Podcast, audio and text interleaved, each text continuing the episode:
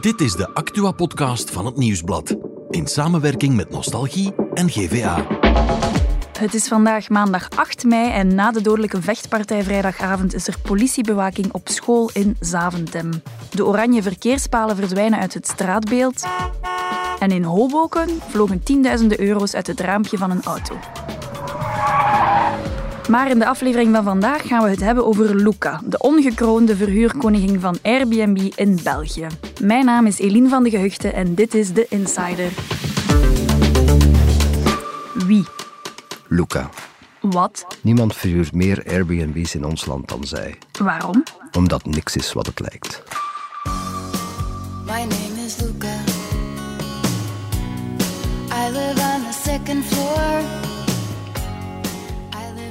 Onze insider vandaag is Frank Pozen, onderzoeksjournalist bij het Nieuwsblad. Dag Frank. Dag Helene.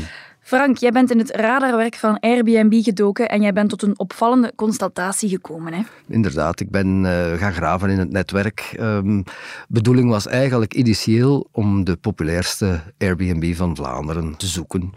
eh, en daar een fijne reportage over te maken. Maar ik kwam eigenlijk tot de conclusie dat er veel meer is dan dat. Want ik stootte op één naam.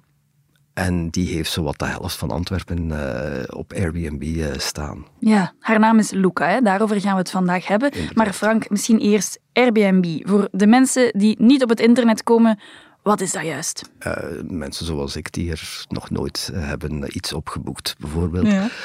Dus Airbnb is in San Francisco ontstaan. Twee gasten eh, die eh, zagen dat er heel veel mensen waren omdat er een congres was.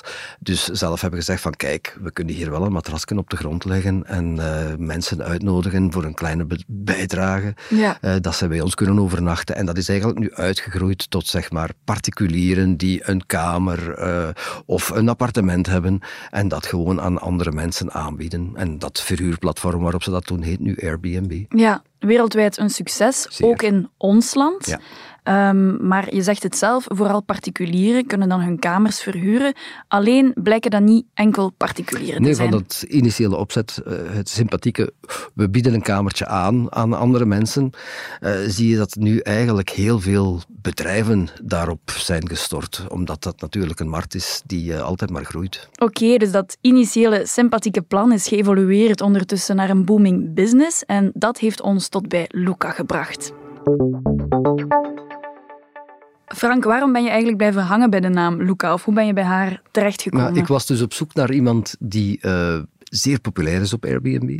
Op de website van Airbnb kan je dat met wat gezoek ook wel vinden. Maar het is veel makkelijker om te gaan via Inside Airbnb. Dat is een Amerikaans onderzoekscollectief dat een aantal dingen bij Airbnb probeert transparant te maken. En daar heb je listings. eh, en wat België betreft eh, spant Luca in Antwerpen daar de kroon met 119 verschillende listings. En zij, wordt, zij wordt gevolgd door Elisa met 97 en dan nog een Emma met 48, alle drie in Antwerpen. En al de rest eh, volgt op een straatlengte eh, achterstand. En toevallig kwam ik vanmorgen te weten, eh, toen ik nog even checkte op de website van Airbnb zelf, dat het aantal advertenties van Luca op die website bijna gehalveerd is sinds vrijdag. Zo plots. Ik weet niet waarom. Oké, en die Luca, heeft hij dan effectief 119 panden in haar bezit en verhuurt hij zo een aantal kamers? Of Dat zou dat heel dan? sterk zijn. Hè. Ja, Eh, zij heeft niet de helft van Antwerpen in haar bezit.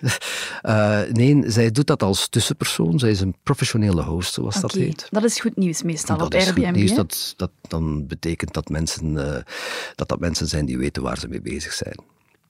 Nu, wat Luca betreft, als je naar die professionele host kijkt, hè, je kan daarop klikken, Het fotootje bedoel je? het fotootje, hè, en daarnaast staat professionele host, klik daarop en dan komt er een kleine pop-up eh, waar het bedrijf waar ze voor werkt te lezen is, samen met de zaakvoerder ervan. In haar geval was dat de GMFB uit Antwerpen Oké. zaakvoerder Willem. Na enig zoeken ben ik bij hem terechtgekomen. En hij wist mij te vertellen dat eh, hij daar eigenlijk niet zo heel veel mee te maken heeft. Je hebt die hij- persoon gebeld. Ik heb hem gebeld en hij zei me, ja, ik, ik renoveer vooral panden en dan kan ik aan de eigenaars, bied ik dan aan, als jullie dat willen, kan ik jullie op zo'n verhuurplatform zetten en daar stopt het, zegt hij. Waarbij ik vraag, en Luca? Wie is dat dan? Ja, dat is een van die mensen die dat voor mij doet, maar eh, voor de rest heb ik daar ook geen contact mee. Dus daar stopte alles. Een eigenlijk. beetje een vaag verhaal wel. Het was een zeer vaag verhaal. Ik heb dan eh, ook via Airbnb gewoon geklikt en eh, gebeld, kom, geprobeerd het te reserveren, waardoor dat je een telefoonnummer krijgt, dat telefoonnummer gebeld. En daar nam een Robin op. Dus nog altijd niet Luca. Het was nog altijd niet Luca. En Robin, ehm, toen dat hij hoorde dat ik journalist was, eh, heeft hij onmiddellijk gezegd dat hij eh, niet met de pers wenste te praten. Ik heb hem dan nog eens teruggebeld, want ik had hem nog geen vraag gesteld. Het was zeer abrupt, dat uh, telefoontje. Die voelde de bui misschien al hangen. Voilà. En toen dat ik hem de tweede keer belde, dreigde hij ermee de politie te verwittigen omdat ik hem stalkte. Ja, Oké, dan ja. stopt het. Stoppen met stalken, hè Frank? Voilà. En na Luca komt dan natuurlijk Elisa, hè, die nummer twee, die werkt voor datzelfde bedrijf. Oké, voor hetzelfde bedrijf. Had je dan bij haar meer succes? Eh, helemaal niet. Dus ik ben gewoon verder gaan zoeken dan. Wie, wie is Luca? hè? Wie, wie wie is nu echt die Luca? En eh, ben ik eigenlijk via de Facebookpagina van de zakenpartner van die Willem, Oké. In haar vrienden, daar stond een Luca. En toen dat ik daarop klikte, zag ik dat dat dezelfde foto is die Luca gebruikte op haar profiel op. Airbnb. Dus, op ik weet Facebook nu, was ze wel vindbaar. Inderdaad, ik weet nu hoe dat, ze, hoe dat haar volledige naam is. Ik weet ook dat zij niet uit Antwerpen komt, maar ze komt uit Den Haag. Zij is in Leiderdorp geboren en dan eh, is ze opgegroeid in Den Haag. En ehm, ik heb haar een berichtje gestuurd. En ik heb daar tot vandaag nog altijd geen antwoord op gekregen. Oké. En hoe zit het dan met Elisa? Heb je die wel kunnen bereiken? Wel, eh, Elisa en Luca, tot mijn grote verbazing, is dat één en dezelfde vrouw. Hoe weet je dat? Omdat ik via de naam van Luca uiteindelijk ben gestoten in het staatsblad op een oprichtingsakte van een bedrijf, LPBV heet dat. En dat bedrijf is van Elisabeth Luca en haar achternaam. Oké. En toen ben ik eens gaan kijken naar het profielfotootje op Airbnb van Elisa en van Luca. Ik heb die vergeleken en dat is, dat is gewoon dezelfde vrouw. Opvallend. En nog sterker, de nummer drie in Antwerpen, Emma. Als je daar kijkt, dat is ook een professionele host. Zeg niet dat dat ook Luca is, hè? Als je klikt op de naam, dan zie je dat zij werkt voor het bedrijf LPBV. Het bedrijf van Elisa Luca. En als je naar het fotootje kijkt, dat heel vloe is, dan kan je met 95% zekerheid zeggen, ah, dat is dezelfde. Conclusie, de 262 appartementen die de top vormen van heel België, hè, in Antwerpen, Daar zit één vrouw zit achter. één en dezelfde vrouw achter, namelijk Luca. Frank, fijn staaltje onderzoeksjournalistiek heb je daar gedaan. Maar ja, ik vraag me toch af, wat voor impact hebben zulke constructies en ja, waarom, waarom doen zij dat? Waarom richten zij dit op? Wel, met die constructie zelf is er aan zich niks mis.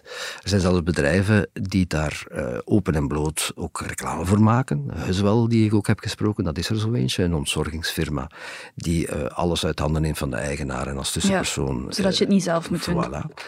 Maar ik vermoed dat het vooral eh, te maken heeft met eh, de fiscus, eh, bepaalde aangiftes die men wil eh, ontlopen op die manier. Oké, een soort van belastingontduiking? Zo zou ik het kunnen zeggen. Oké. Frank, als jij of ik een appartement huren bij Luca of bij zo iemand, is dat dan gevaarlijk? Ik zou zeggen, doe dat vooral.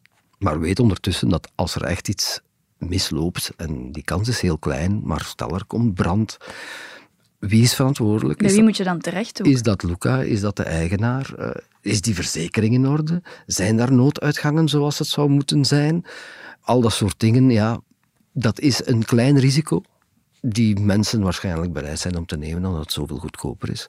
Maar besef één ding goed, dat bij Airbnb eh, niks meer is wat het lijkt. Oké, goed om te weten. Bedankt voor de expertise, Frank. Dat is graag gedaan. Nog over naar het andere nieuws van vandaag. En daarvoor gaan we naar onze producer Joni. Dag Joni. Dag Helene. Joni, in Zaventem krijgt de ZAVO-school politiebewaking. En dat heeft alles te maken met iets dat vrijdag gebeurd is. Hè? Wat is daar juist aan de hand? Ja, het begon met een ruzie tussen tieners die dan uiteindelijk hun familie hebben opgetrommeld en het werd dan een heuse vechtpartij. Eén van de mensen die meedeed was niet een van die tienerjongens, maar wel iemand van die familie. Die haalde een samurai-zwaard boven, waarop die twee jongens, de tegenstanders, vluchtten over de sporen. En net- op het moment dat die man over het spoor liep, kwam er een hoge snelheidstrein en dan is hij Oké, gestorven. de, de man met het samurai-zwaard. Inderdaad. Heftig verhaal. Ehm, en waarom staat daar nu politie dan op school? Ja, omdat er heel het weekend lang berichten circuleerden op social media over vrienden van het slachtoffer die zeiden dat ze wraak gingen nemen op die jongens. Ehm, en dus heel de dag zijn er politiemensen zichtbaar en onzichtbaar aanwezig op en rond de school.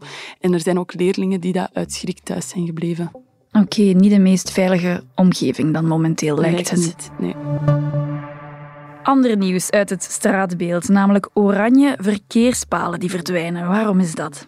Ja, blijkbaar was dat een geheugensteuntje. Had je daar al van gehoord? Nee, wat is dat juist? Ja, dus als je uitstapt uit je auto en je parkeert ergens en je kan nergens een oranje paal zien, dan ben je eigenlijk helemaal gerust en kan er geen boete aan je been hangen. Dan moeten we Zie niet je- betalen. Inderdaad. Zie je wel een paal, dan moet je even gaan checken wat de regel is. Is het een parkeerschijf of is het een betaalautomaat die je moet gaan zoeken? Maar heel veel gemeenten trokken zich niks meer aan van die regel, waardoor dat er dus vrijspraken waren, omdat er geen oranje paal was bijvoorbeeld. Dus nu hebben ze beslist dat die palen allemaal verdwijnen. Ja, duidelijk. En dan is er nog nieuws uit de regio Antwerpen. Vertel, Joni. Ja, daar heeft een bestuurder tijdens een achtervolging tienduizenden euro's uit het raam laten vliegen. Oké. Dat schrijft GVA. Dat was een achtervolging die plaatsvond in Hoboken. En een deel van het geld heeft de politie kunnen recupereren, oprapen. Maar een deel van het geld is ook door passanten opgeraapt. Dus lucky them, ze hebben waarschijnlijk wel wat geld kunnen wegsteken.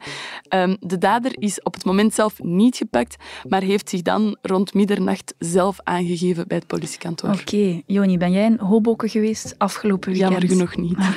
Oké, bedankt Joni. Morgen zijn we terug met een nieuwe Dit